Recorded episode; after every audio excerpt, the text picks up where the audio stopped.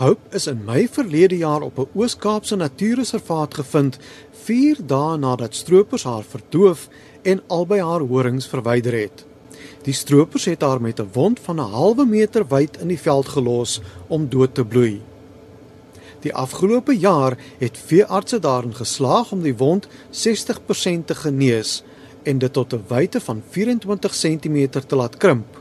In die jongste operasie is 'n tegniek genaamd Abra gebruik wat vir mense ontwikkel is. 'n Veearts van Onderste Poort, Johan Maree, sê dit is byna soos om 'n skoen met skoenveters vas te maak.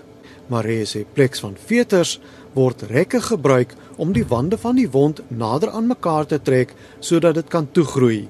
As ons net daai dele van die wondrade nader aan mekaar kan kry, dan het ons 'n nuwe plan wat ons wil doen en dit is 'n halfe kollageen sheet wat ons dan in die wond vaswerk en wat dan as 'n brug half dien vir selle om in te groei en om dan hierdie defek toe te maak. Maar hy sê die Abra tegniek is deur 'n Kanadese maatskappy ontwikkel om byvoorbeeld groot wonde in 'n mens se maag te heg.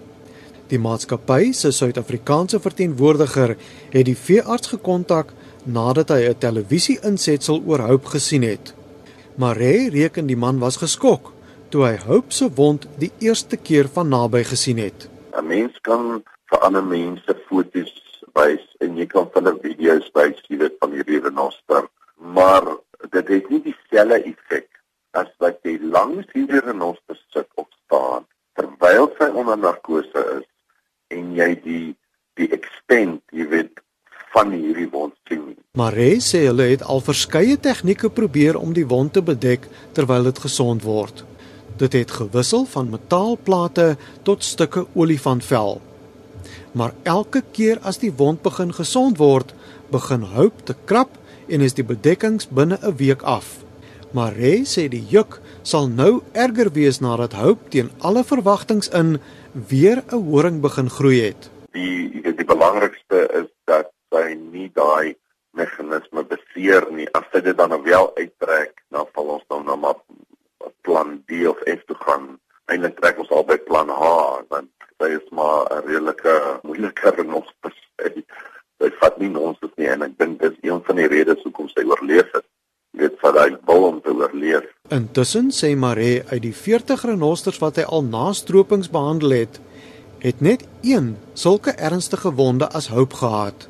Die afgelope 3 jaar het hulle tegnieke probeer wat hulle voorheen nooit sou van gedroom het nie. Hulle het ook by mediese en veeartsenykundige kenners in die FSA en Europa om raad aangeklop.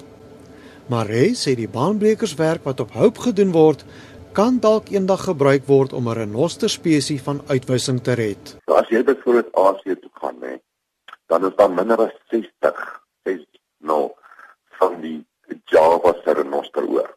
Nou as hulle môre 20 van daai renosters skiet en twee van hulle oorleef, en hulle het sulke verskriklike groot wonde soos hou en hulle bel ons en sê kan julle ons help wat van ons hulle sê nee nee weet jy ons ons weet nie hoe meer goed daar ons skiet hulle dood joeg dan van net 40 oor of 38 oor.